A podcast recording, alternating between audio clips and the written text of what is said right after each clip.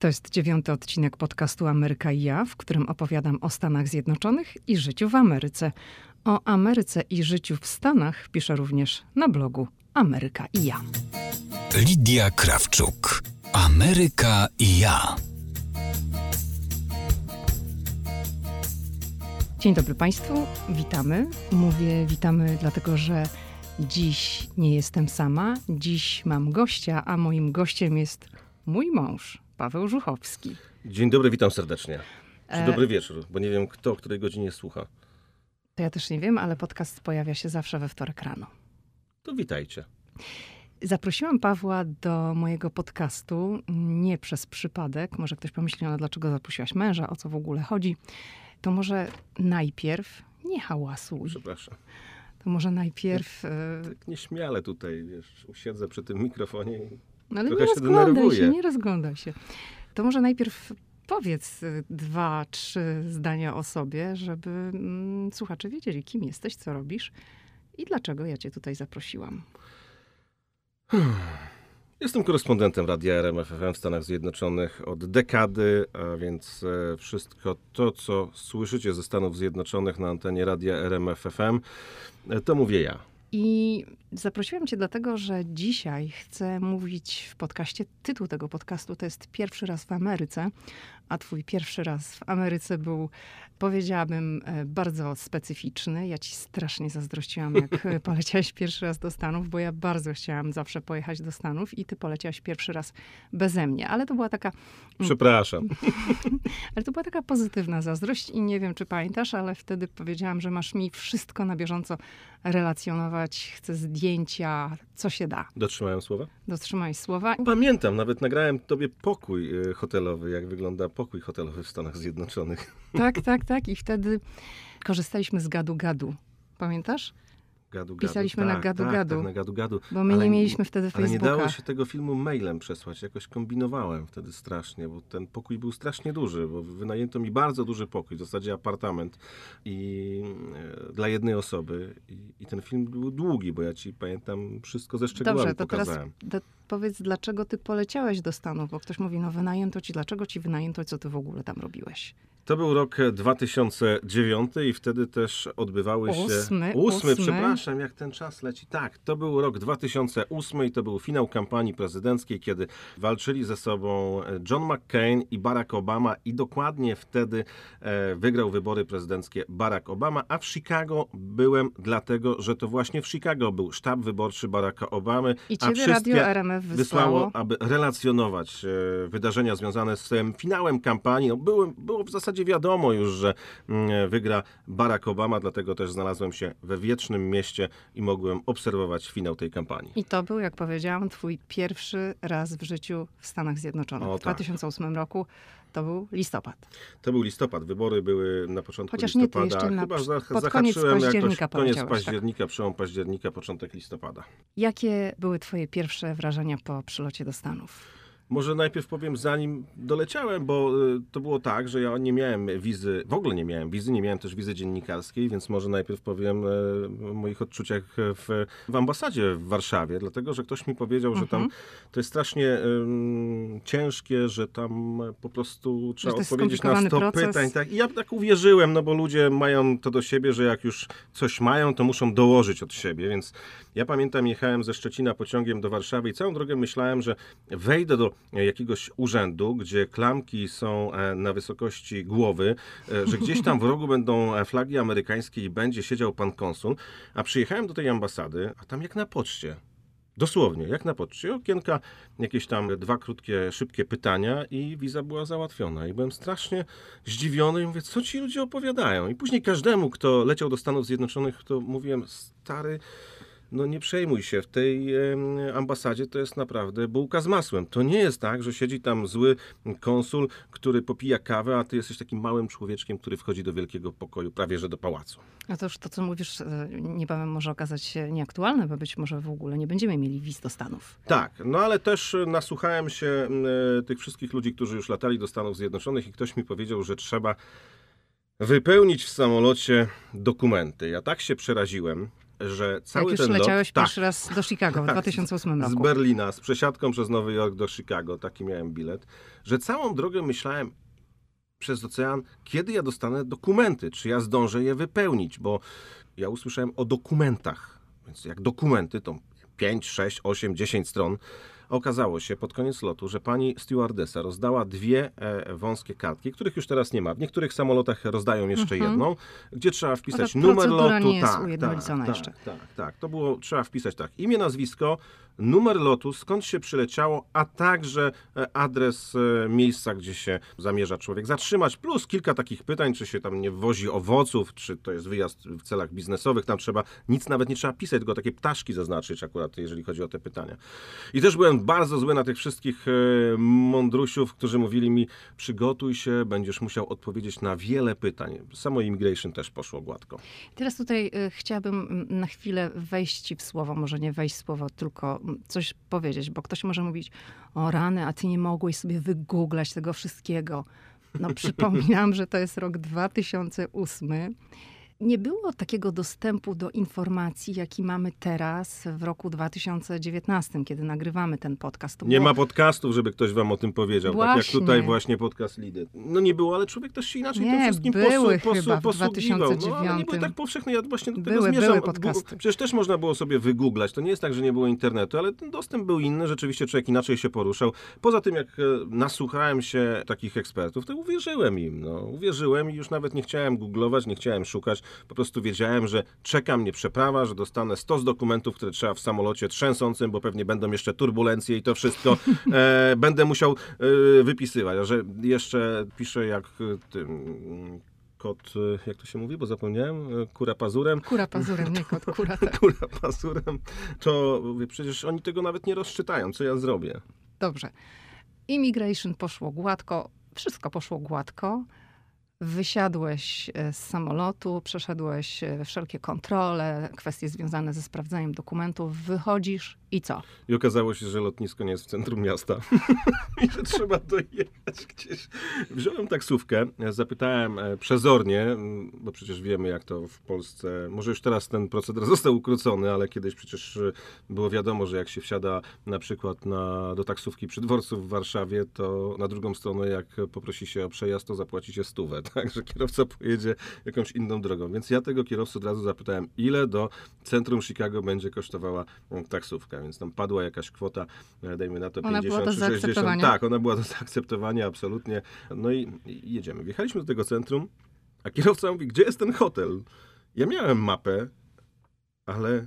On, nie, przepraszam, on mi dał mapę. On mi dał uwagę, mapę. że mówi mapę i nie mówimy Tak. tutaj o mapie cyfrowej, nie mówimy o aplikacji, tylko mówimy o takiej mapie z Tak, papieru. Ten kierowca dał mi tą mapę, bo to nie była moja mapa, przepraszam, bym tu skłamał. On mi dał mapę i mówi, żebym zobaczył, gdzie jest ten adres. I całe szczęście, że pamiętam z rezerwacji, jak wyglądał hotel. I widzę, że ten hotel akurat Bo mijamy. Widziałeś na zdjęciu, tak? Widziałem na zdjęciu, tak. I, I mówię do tego kierowcy, to tutaj. I się udało. To Ale był hotel w samym downtown, przy prawda? e, Johnie Hancocku. John Hancock to jest e, jeden z najsłynniejszych wysokościowców drapaczy chmur w Chicago i tam u góry jest oczywiście piękny teraz widokowo, o czym ja wiedziałam i natychmiast powiedziałam Pawłowi, musisz tam pojechać do góry i powiedzieć mi, co tam widać. A Ale- on nie chciał jechać. Ale najlepsze wydarzyło się po wejściu do hotelu, dlatego że ja przyjechałem z gotówką, bez karty kredytowej. A pani na mnie tak spojrzała w tej recepcji, że mówi, musisz zapłacić kaucję za pokój, za każdą dobę, tam opłacić jakieś tam historie. A ja mówię, ja nie mam karty kredytowej, a tu się przejeżdżało już wtedy kartą, oni zabezpieczali jakąś kwotę i cześć pieśni. Ja mówię, ale ja nie mam karty kredytowej, co my teraz zrobimy? Pani za telefon do menadżera. Trwało to chyba z 15 minut albo lepiej. Ja już e, strach w oczach, bo nieznane miasto, pierwszy raz w Stanach. Nie mam karty Mam kredytowej. gotówkę, ale mówią, nie możesz tu się zatrzymać, bo my musimy zabezpieczyć, jakbyś tam, nie wiem, lampę zbił, albo ukradł mikrofalówkę, albo coś z tą kanapą zrobił. I całem jak takie dziecko we mgle. No ale uzgodnili, że mogę zapłacić kaucję gotówką, choć oni tego od dawna nie praktykowali, więc to była cała procedura. Więc wyciągnąłem pieniądze, e, dałem pieniądze jako kaucję, no i tak rozwiązaliśmy sprawę. Ale to naprawdę było przeżycie. Oni patrzyli na mnie jak na dziwoląga, że jak to nie masz karty kredytowej? No, ale tak zostałeś wyposażony w pieniądze w momencie, kiedy firma cię wysłała. No bo wszyscy tak jeździliśmy z pieniędzmi. No tak się jeździło po prostu. Jeszcze w Europie też się operowało bardziej gotówką. To był e, 2008 rok. Mhm. niż kartami kredytowymi. Poza tym no, też była taka kwestia, że karty polskie e, nie działały wszędzie w Stanach Zjednoczonych. Przecież e, no, jeszcze parę lat temu niektórzy mówili, że ich karty kredytowe tutaj w Stanach Zjednoczonych są odrzucane przez terminale, więc no jakby pobranie gotówki w firmie i wyjazd z gotówką, no to była gwarancja, że gdyby coś się wydarzyło, to to po prostu no, ten problem w jakiś sposób się rozwiąże. Powiedzieliśmy, że mieszkałeś w samym centrum Chicago, e, w pobliżu Johna Hancocka, czyli tego słynnego drapacza chmur. I ja powiedziałam, że ty nie chciałeś tam wjechać. Dlaczego tam nie chciałeś wjechać? No bo ja powiedziałem, że z tobą e, wjadę, jak przyjadę do Stanów Zjednoczonych kiedyś. Tak było? Tak, tak było. Paweł mi wtedy obiecał, że pojedziemy do Stanów. Jeszcze nie wiedzieliśmy, że rok później w Stanach zamieszkamy. O, coś tam wiedzieliśmy, no, No, ale to przypuszczaliśmy. było Już takie się mówiło bułkę nieoficjalnie. przez bibułkę, to wiesz, ja w to w ogóle nie wierzyłam. I bardzo chciałam, żeby on wjechał e, na taras widokowy tam na setnym piętrze Johna Hancocka i żeby zrobił zdjęcia i żeby mi pokazał. I on nie chciał, nie chciał, ale w końcu pojechał. No widok był przepiękny. Ja byłem pod wrażeniem, dlatego że to był mój pierwszy drapacz chmur. E, przepiękny widok z e, tego tarasu widokowego na jezioro, na Chicago. Narobiłem strasznie dużo zdjęć, pamiętam i przesyłałem tobie, ale naprawdę widok z e, Hancocka robi ogromne wrażenie, więc jeżeli kiedykolwiek będziecie w Chicago, musicie koniecznie wjechać na Hancocka. Nawet jeżeli obiecaliście, czy powiedzieliście komuś, że nie wiedziecie, że pojedziecie razem za jakiś tam czas, to, to złamcie się, pojedźcie. Pojechałeś tam, no nie po to, żeby oglądać widoki. Ten widok e, z Johna Hancocka był przy okazji. Pojechałeś tam, żeby relacjonować wybory w 2008 roku, historyczne, wtedy, kiedy Barack Obama został prezydentem Stanów Zjednoczonych. Zanim przyszła ta noc wyborów, wydarzyło się po drodze wiele różnych rzeczy. Między innymi pojechałeś na Jackowo. Tak, wziąłem taksówkę z... Powiedz, co to jest Jackowo? Jackowo to jest e, polonijna dzielnica Chicago. Jackowo od e, kościoła świętego Jacka. To jest dzielnica, gdzie mieszka wielu, wielu e, Polaków. I tam też była zlokalizowana na terenie tej polskiej dzielnicy jedna z komisji wyborczych. Dlatego też pojechałem. Było też coś takiego jak wcześniejsze głosowanie, więc wiedziałem, że jak pojadę kilka dni wcześniej, no to już Polacy będą głosować. Była więc szansa, że przygotuję materiały na antenę. No i e, wziąłem taksówkę z centrum Chicago, pojechałem na Jackowo, zapłaciłem za taksówkę, oczywiście e, gotówką, bo nie miałem karty kredytowej. E, A już terminale w taksówkach były, już tak? też były, tak, ale tutaj nie było jakiegoś tam problemu. No i taksówka pojechała. Ja nagrałem materiały i nagle patrzę, ale na tym Jackowie nie ma żadnej taksówki. Do centrum daleko, bo to nie jest tak, że Jackowo jest w samym centrum Chicago, więc to jest kawałek drogi. I normalnie strach w oczach, bo nie ma jak wrócić z tego Jackowa. Ech, Wszedłem do pierwszego, lepszego salonu samochodowego, gdzie powiewały biało-czerwone flagi. Chłopaki ucieszyli się strasznie, widząc e, żółty mikrofon RMF-u, bo powiedzieli, że tak, to byli Polacy, tak jak powiedziałem, powiewały białe-czerwone flagi. Zresztą tam wszędzie, e, gdzie się wejdzie na Jackowie, to są Polacy w zasadzie. E, Więc oni ucieszyli się, widząc mikrofon RMF-u, bo wiedzieli, że to człowiek z Polski. Porozmawialiśmy sobie i powiedziałem, słuchajcie, potrzebuję dojechać do cenu. I się śmiali, bo mówią, nie no, stąd musisz albo gdzieś tam iść na jakiś autobus, autobusem gdzieś do metra dojechać, to była czarna magia dla mnie. No ale w końcu któryś wyciągnął telefon, zadzwonił do pana, po chwili przyjeżdża pan takim zdezelowanym samochodem i powiedział, że on będzie mnie wozić. I tak złapałem kierowcę na wszystkie dni, kiedy tam byłem. Dzwoniłem, mówiłem, e, Andrzej, potrzebuję e, jechać tam i miał tam. na imię Andrzej, tak? tak, tak. I Andrzej woził mnie. Andrzej, nie wiem e, w zasadzie, bo jemu się to zupełnie chyba finansowo nie opłacało, bo to za kilkadziesiąt dolarów on był w zasadzie do dyspozycji mojej cały dzień. On był tak przejęty tą rolą, że przyjechał dziennikarz z Polski relacjonować wybory, że on po Chicago i po całej okolicy woził mnie przez cały dzień za te kilkadziesiąt dolarów. Nawet do tego stopnia, że mm, nie tylko wybory obsłużyłem, pojechaliśmy na polski cmentarz, bo to się tak nałożyło. Wybory były na początku listopada, więc e, oczywiście e, był po drodze pierwszy dzień listopada, więc jeszcze przygotowałem ileś materiałów e, z polskiego cmentarza. Mnie woził po prostu w różne miejsca, był tak przejęty, mm, w zasadzie to... No trochę pomógł ci, Tak, tak? bardzo, Prawda? Był bardzo, takim twoim bardzo. przewodnikiem w obcym mieście, którego nigdy wcześniej nie widziałeś na oczy, którego nie znałeś. No każdy z nas, jak jedzie do nowego miasta, to jest trochę jak ale- dziecko we mgle. Ale to jest właśnie właśnie to dziennikarskie szczęście, o którym ja często mówię, że no, w tej robocie trzeba mieć trochę dziennikarskiego szczęścia, żeby e, trafić na ludzi, którzy e, chcą ci pomóc. I ja myślę, że tutaj w Stanach Zjednoczonych, jeżeli ktoś się wybiera do Stanów Zjednoczonych, takich ludzi można znaleźć. E, I ja wiem, że jest taka różna opinia o Polakach mieszkających gdzieś poza granicami. Jest nawet takie powiedzenie, że jak w Stanach Zjednoczonych Polak ci nie przeszkodził, to znaczy, że już ci pomógł. Takie złośliwe powiedzenie. My nie mamy takich doświadczeń. Nie, absolutnie nie. Absolutnie nie. Spotkaliśmy tutaj wielu fajnych, pomocnych e, Polaków i myślę, że jak ktoś wybiera się do Stanów Zjednoczonych, to nie powinien bać się, prosić o pomoc. Oczywiście w granicach jakiegoś tam rozsądku, ale zawsze to, e, jak się trafi na Polaka, to jest jakaś taka bratnia dusza. No i też są tutaj takie fajne relacje i to w 2008 roku, jak e, byłem, zauważyłem i dzisiaj też to mogę powiedzieć, że jak gdzieś się słyszy, e, czy ktoś usłyszy polski język, to od razu jest tak jakoś miło się robi. Ktoś mówi, o Polacy. Zawsze jest tam kilka zdań, każdy pyta, skąd się mm, przyjechało, co się tutaj Skąd się robi. pochodzi, więc, tak. tak, więc Mhm. kilka takich fajnych, krótkich zdań można wymienić. Chciałabym, żebyśmy troszeczkę zatrzymali się przy Jackowie, ponieważ pojechaliśmy na Jackowo wspólnie, nie wiem, czy w pierwszym roku, bo wybraliśmy się do Chicago zaraz po przyjeździe do Stanów. W wspólnie... 2010 roku byliśmy latem 2010 roku w Nie, Chicago. nie, nie, w 2009 po, Przepraszam, tak, pojechaliśmy pierwszy latem raz. w 2009. Przylecieliśmy do Stanów w lipcu 2009 roku i w sierpniu w 2009 pojechaliśmy do Chicago samochodem. Tak. To było pierwsze nasze miasto wspólne, które odwiedziliśmy, poza Waszyngtonem oczywiście. Tak. I wtedy wybraliśmy się na Jackowo, czy dopiero za drugim razem? Chyba dopiero za drugim. Nie, chyba nie. Pojechaliśmy, przejechaliśmy się przez Jackowo, dlatego że ja chciałem tobie pokazać Jackowo. Przejechaliśmy przez Jackowo. Ja już ci wtedy Okej. pokazywałem Jackowo. I ja muszę powiedzieć, że byłam zszokowana, jak zobaczyłam Jackowo, ponieważ moje wyobrażenie ogólne o Ameryce przed przyjazdem do Stanów było takie trochę z filmów, z seriali, czyli powiedziałabym glamour. Natomiast Jackowo w Chicago nie ma nic wspólnego z glamour. Tam czas się zatrzymał, no to tak jak Polska wyglądała w latach 70., powiedziałabym, prawda? No czasy GS-u, no.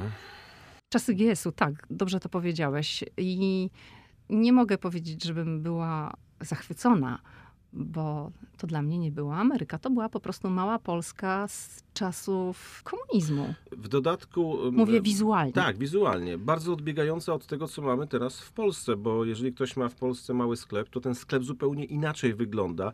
Niektóre sklepy w polonijnych dzielnicach, i to już nie tylko nawet na Jackowie, ale także na Greenpointie w Nowym Jorku, e, wyglądają jak takie PRL-owskie skanseny. Ale myślę, że to już się trochę zmienia też, że one mm, tak wyglądały, jak przyjechaliśmy, jak w do Polsce- Stanów. Ale przepraszam, przecież w Polsce nikt y, w sklepie nie ma tych takich fartuchów nylonowych. Nie, to nylon jest takich, wiesz, takich Chyba fart... nylon. Moja prababcia w czymś takim chodziła, no. Plus te takie na włosy jakieś... Ale to już y, chyba tego nie ma. Myślę, że te koronki takie we włosach, to one były... Nie chcę, Ale były wtedy. Nie chcę, nie chcę mówić, że tego nie ma obecnie gdzieś tam w Chicago, bo trudno mi powiedzieć. Natomiast jak e, w tym 2009-2010 byliśmy w Chicago, to rzeczywiście jeszcze takie ekspedientki w e, fartuchach tam się zdarzały. Nie wiem, czy teraz to ciągle występuje. Widziałem na Greenpointie w Nowym Jorku, występuje, Występuje. wciąż występuje. Występują takie obrazki, że jest na przykład, e, pamiętacie w czasach PRL-u te takie w mięsnym sklepie, takie haki, na których wisa, wisiała kiełbasa i na przykład jest coś takiego, że wisi kiełbasa, z boku na przykład obok tej kiełbasy e, wisi portret papieża Jana Pawła II. I to nie chodzi o to, żeby To tutaj Jorku, tak. krytykować, e, tylko no, w polskim sklepie nikt takich zestawień nie robi. Absolutnie, ja nie mam nic przeciwko portretom Jana Pawła II, żeby było, żebyśmy się zrozumieli. Tylko w Polsce po prostu e, czegoś takiego nie ma. Już nie ma. A było kiedyś? A nie było? Bo ja za młody jestem, żebym pamiętał, czy za komuny obok e, sklepów. Nie, no nie mogło tak być, bo to były sklepy państwowe, więc w państwowym sklepie na pewno e, tak publicznie nie mogły wisieć obrazy Jana Pawła II czy krzyże. Okej, skończmy ten temat. Rozmawiamy o tym, jak to było za pierwszym razem w Ameryce. I mówiliśmy na początku o tym, że przysyłałeś mi zdjęcia i filmy, żeby mi pokazać pewne rzeczy. I jedną z takich rzeczy był prysznic. Tak, prysznic był zabawny, bo ja, to wyglądało jak, słuchajcie, lampa w sali operacyjnej jakiegoś szpitala. Ona mnie cała Czy E, był taki wielki? Wielki, tak. Ten, prysznic po prostu był jak pięć patelni, albo więc jak ja wszedłem, jak włączyłem, to spojrzałem do góry i to, to było szersze niż ja wtedy. Chmura bo, te, bo teraz może ja byłbym szerszy. Ale to było po prostu, to co wisiało nade mną, to było szersze niż ja. Wiedziałeś, jak uruchomić prysznic? Nie, bo po prostu jakieś dziwne pokrętła były. To było. Naprawdę, ja wiem, że to śmiesznie może brzmi, ale przyjechałem z Polski, gdzie no jest jeden kurek, drugi kurek i wajcha i woda leci, a tu tych przełączników było tyle, że nie wiedziałem o co chodzi, ale po 20 minutach doszedłem. Kiedy tak rozmawiamy o prysznicu, to od razu mi się nasuwa taka myśl, że być może ktoś, kto nie był w Stanach, to nie ma świadomości, że mm, w Ameryce prysznic jest na stałe przymocowany tam u góry nad wanną, nie ma słuchawki. Czyli jeżeli chcemy sobie umyć włosy mm, pod prysznicem, bez wchodzenia e, do wanny, to nie ma takiej e, możliwości, żeby sobie wziąć słuchawkę i sobie polać włosy wodą. To jest wszystko na stałe. I tamten też był na stałe, prawda? Tak, tak, był na stałe, absolutnie. Pojechałeś do Stanów, y, do Chicago, żeby relacjonować dla radia wybory, historyczne wybory z 2008 roku. Ja myślę, że będzie okazja, żeby więcej na ten temat powiedzieć, bo chciałabym kiedyś nagrać z tobą taki podcast, ale chociaż na chwilę zatrzymajmy się przy tej listopadowej nocy z 2008 roku. To było niesamowite doświadczenie, dlatego że stałem w kurtce radia RMFFM, żółtej z dużymi napisami w parku e, Granta i e, mnóstwo ludzi szło do tego parku, żeby- zobaczyć ten moment, bo już było wiadomo, już w stacjach e, podano Bo w informacje. parku Granta była... mm, Wielka scena i tam miał pojawić się prezydent z przyszłą pierwszą damą i, i ze swoimi córkami. I po prostu całe Chicago ciągnęło do tego parku i oczywiście jak to w Chicago, także wielu Polaków. Ja pamiętam te głosy Polaków, tutaj projekt mówię, to mi ciary przechodzą, wszyscy mówili, "S- człowieku, ty uczestniczysz w historycznym momencie, to będzie przełomowa prezydentura. No dzisiaj możemy na tą prezydenturę już patrzeć trochę z em, takiego dystansu, no i każdy może sobie odpowiedzieć, czy prezydentura Obamy e, była przełomową, czy historyczną, ale wtedy też e, wszyscy już mieli dość, dosyć wojny w Iraku, w Afganistanie, więc zapowiedzi Baracka Obamy o tym, że zakończy te konflikty, bardzo im pasowały, więc mnóstwo Polaków spotykałem i wszyscy, e, wszyscy się cieszyli. To była wielka radość, a najbardziej e, cieszyli się Afroamerykanie, którzy...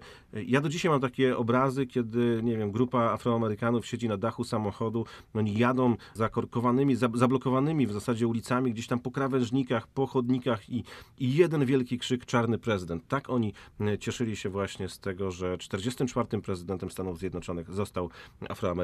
Ty mi kupiłeś na pamiątkę bluzę e, z podobizną Baracka Obamy. Może nawet to nie była jego podobizna, tylko to był taki przedruk z gazety. Z Chicago Tribune. Tak. Tak, pierwsza strona gazety już informująca, że Barack Obama został prezydentem. Nikt nie wierzył w zasadzie w Chicago, że ten wynik będzie inny. Do dzisiaj zastanawiam się, co by było, gdyby jednak e, wyborcy zdecydowali inaczej, bo tam nie było stoisk z gadżetami, z wizerunkiem Johna McCaina. Na ulicy zupełnie po prostu to było tak, że ktoś miał jakiś wielki koc, w tym kocu zawinięte bluzy i on szedł, kładł to na ziemię, pełno tych bluzek, koszulek, czapek, wszystko właśnie e, z wizerunkiem prezydenta, e, przyszłego prezydenta elekta już w tym momencie w zasadzie, Michelle Obamy i córek e, i wielka radość. Gdzie niegdzie widziałem tablice z napisem McCain, po których ludzie skakali, deptali, ale no, wszyscy krzyczeli Obama, no w końcu człowiek z ich terenu został prezydentem. Jak wyglądała wtedy twoja praca w tym dniu? To też zupełnie inna historia, bo dzisiaj to miałbym 100 innych metod pewnie, żeby wejść na antenę radia na żywo. Wtedy to było trochę bardziej skomplikowane, musiałem rozstawiać sprzęt. Y, Tych ludzi w parku było tak dużo, że jakikolwiek zasięg, jakikolwiek internet, nawet Wi-Fi, które tam było już wtedy dostępne, to po prostu nic nie działało, więc ja chodziłem i przez telefon, i biegłem do hotelu, gdzie był lepszy internet i przesyłałem relacje, e, dlatego że no, no świat zwariował, tak? E, Przecież nie chcę powiedzieć, że Barack Barack Obama e, był- stał się celebrytą tej nocy, ale no... On już wcześniej trochę się tak, stał, no, prawda? Więc jakby e, świat e, kochał Obamę już w chwili e, wyboru. E, Pokładano wielkie nadzieje wobec e, tej prezydentury i wiązali nadzieje ludzie z e, prezydenturą Baracka Obamy, dlatego po prostu wszystkie stacje, tam był cały dzienni- dziennikarski świat, tam, tam byli nie tylko mieszkańcy Chicago, mieszkańcy stanu Illinois, wszyscy sympatycy Partii Demokratycznej, którzy przyjechali z kraju, ale też e, no, dziennikarze. Ja, ja nigdy wcześniej e, nie widziałem tylu dziennikarzy w jednym miejscu. Przy parku e, na jednej z ulic były Nawet rozstawione... potem już po tych 10 latach, jak jesteś w Stanach, jak uczestniczyłeś no, w bardzo wielu różnych e, No to wydarzeniach. nie, chyba nie, bo tam cała ulica jedna to był wóz A transmisyjny jak byliśmy e, przy wozie mm, przy transmisyjnym. starcie ostatniego wahadłowca, to wtedy nie było Chyba więcej? nie, chyba też nie. Chyba Mhm. też nie, dlatego że to też były inne czasy. Przy starcie wahadłowca ostatniego już też był inny dostęp do innej technologii, już też No e, tak, po już łączach internetowych, tak? tak, już po innych łączach się wchodziło. Natomiast wtedy jeszcze mm, w zasadzie takim jedynym mm, możliwym sposobem wejścia to były telefony satelitarne i anteny satelitarne, czy łącza satelitarne, więc tam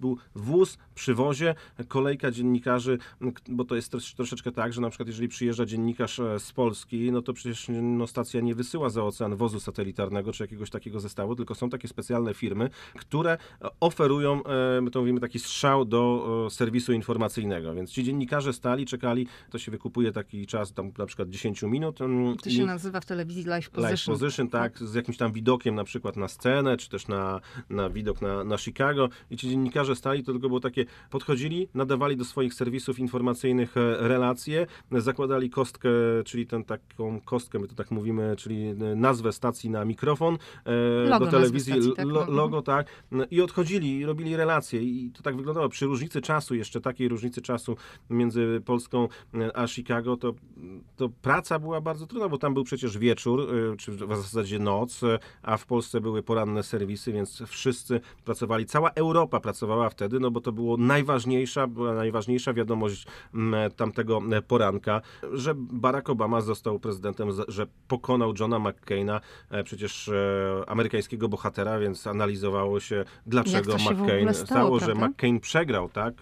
A Barack Obama ostatecznie wygrał. Chociaż no, sondaże przed wyborami mówiły, że rzeczywiście Barack Obama wygra te No wybory. i Sarah Palin, Też się do tego przyłożyła. tak, czyli kandydatka na wiceprezydenta Johna McCaina. Czy wtedy, jak pojechałeś do Parku Granta w noc wyborów, to Andrzej też cię wiózł? Tak, on mnie podwiózł, ale to tylko do e, pewnego momentu, dlatego że ulice były tak zapchane, że ja powiedziałem Andrzej, ty gdzieś tu kombinuj, zaparkuj, stój, czekaj na mnie, a ja idę pieszo po prostu, bo ludzi było tak dużo, że ja wyszedłem z samochodu i już mogłem ludzi nagrywać. No, po prostu wszyscy szli mm, już z flagami amerykańskimi do tego e, parku. Zresztą to akurat ten park Granta od, e, do Johna Hancocka to jest spacerkiem może jakiś kwadrans, 15 minut, więc e, ja dokładnie jadąc tam nie wiedziałem jak to jest daleko, więc o pomoc poprosiłem Andrzeja, ale on tak na dobrą sprawę wtedy nie był mi potrzebny. No ale on też żył tymi wyborami i on chciał uczestniczyć, tak jak Czekał powiedziałem. na ciebie tak, do końca? czekał, czekał, Czekał? czekał, Ile czekał. tam wtedy? To. No, dobrych parę godzin, dobrych parę godzin. No ale on też nawet mi dziękował, bo powiedział, tak to bym siedział w domu, a tak widziałem to wszystko. mm, I sam uczestniczył w tak, historycznym tak, momencie. Tak, tak, tak. A poza tym, no co chwilę tam przez telefon dzwonił, jak jeździliśmy, to, to, to nie mówił, że jedzie z kimś, bo ma tam klienta i musi go zawieźć, tylko on mówił, że wiezie redaktora. No, tak też Andrzej miał też trochę taką misję. Bardzo sympatyczny zresztą człowiek. Co cię zaskoczyło za pierwszym razem, jak przyleciałeś do Stanów? No wszystko mnie zaskakiwało. No, Chicago, te wielkie budynki, ta mm, kultura generalnie, tak? Tylu ludzi z różnych miejsc na świecie. No, ja byłem zaskoczony. Ja chodziłem jak pijany zając jeszcze.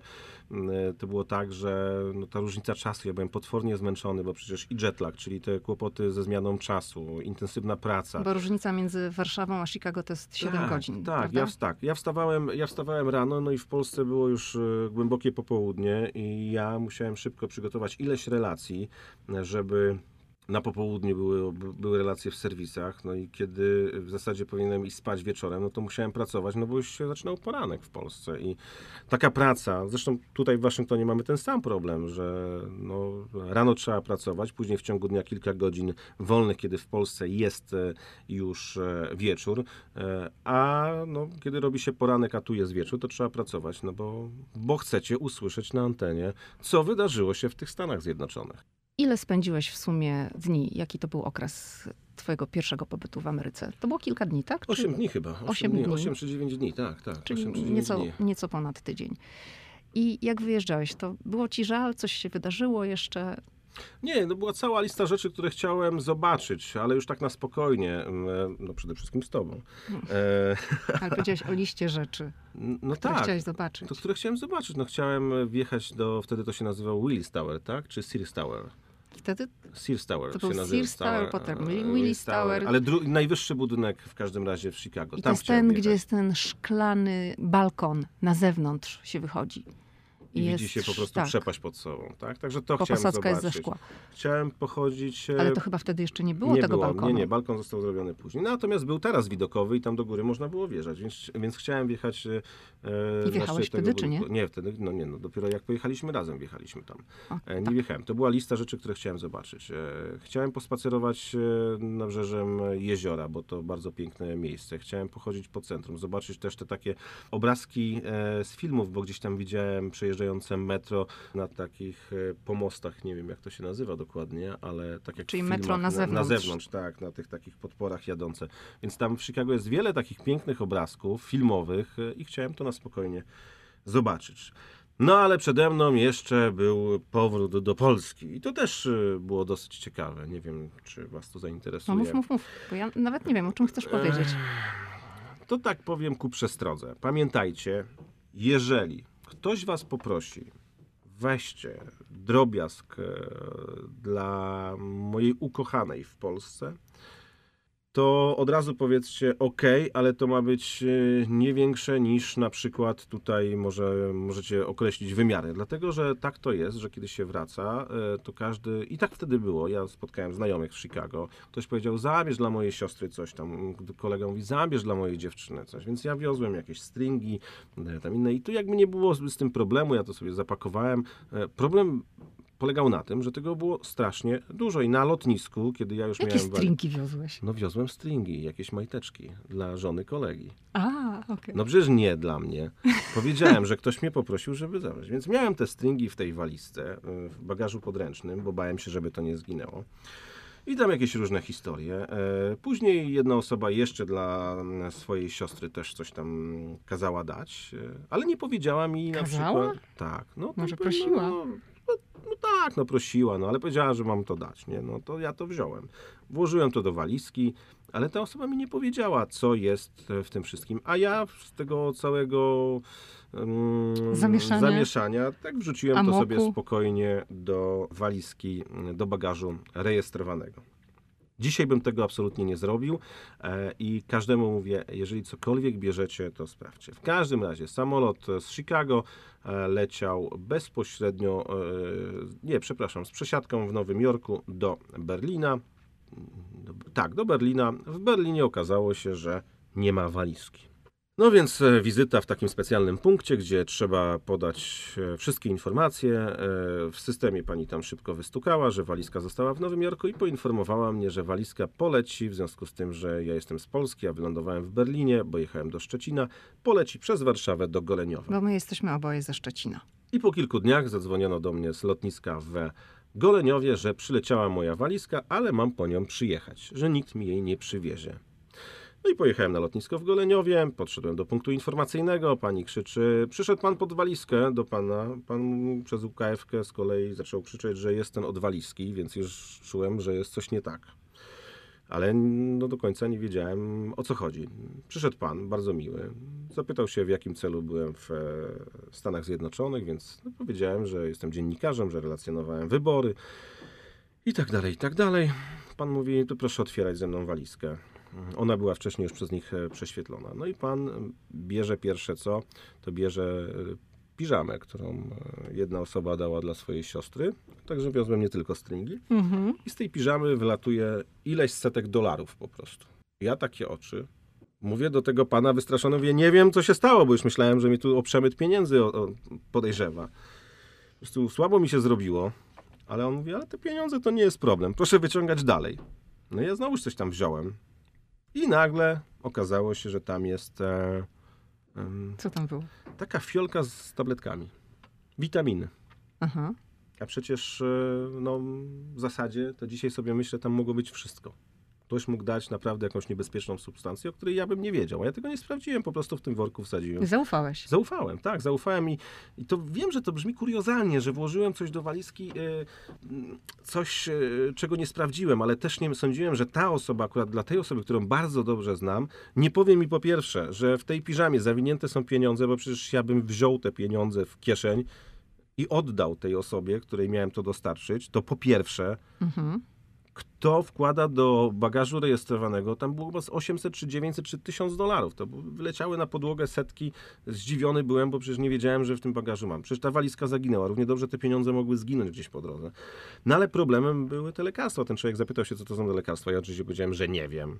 No, później doczytaliśmy, że to są jakieś tam witaminy. I on po prostu tam no, dał mi rep- reprymendę Ale taką. witaminy można przewozić chyba, prawda? No, ale ja, on zapytał, co to jest. Ja powiedziałem, nie wiem, więc jemu się zapaliła czerwona lampka od Mhm. razu i, i tyle. No, po prostu takich rzeczy się nie robi, takich rzeczy nie można robić i trzeba o tym pamiętać. Zwłaszcza, kiedy leci się do Stanów Zjednoczonych, bo służby amerykańskie są uczulone. Zresztą zadają pytanie, nawet kiedy lecicie na przykład z Berlina e, do Waszyngtonu, czy znaczy tam do Nowego Jorku, bo do Waszyngtonu nie ma bezpośredniego połączenia, to przecież pada nawet takie pytanie przy check-inie, jest taki pre-check-in, gdzie pani pyta, czy sam pakowałeś walizkę, czy ktokolwiek przez chwilę chociaż trzymał Tak, walizkę. ale wydaje mi się, że takie pytania padają w momencie, kiedy się leci amerykańską linią. Tak, dokładnie tak, Mhm. dokładnie tak. Ale trzeba o tym pamiętać. Żadnych takich historii.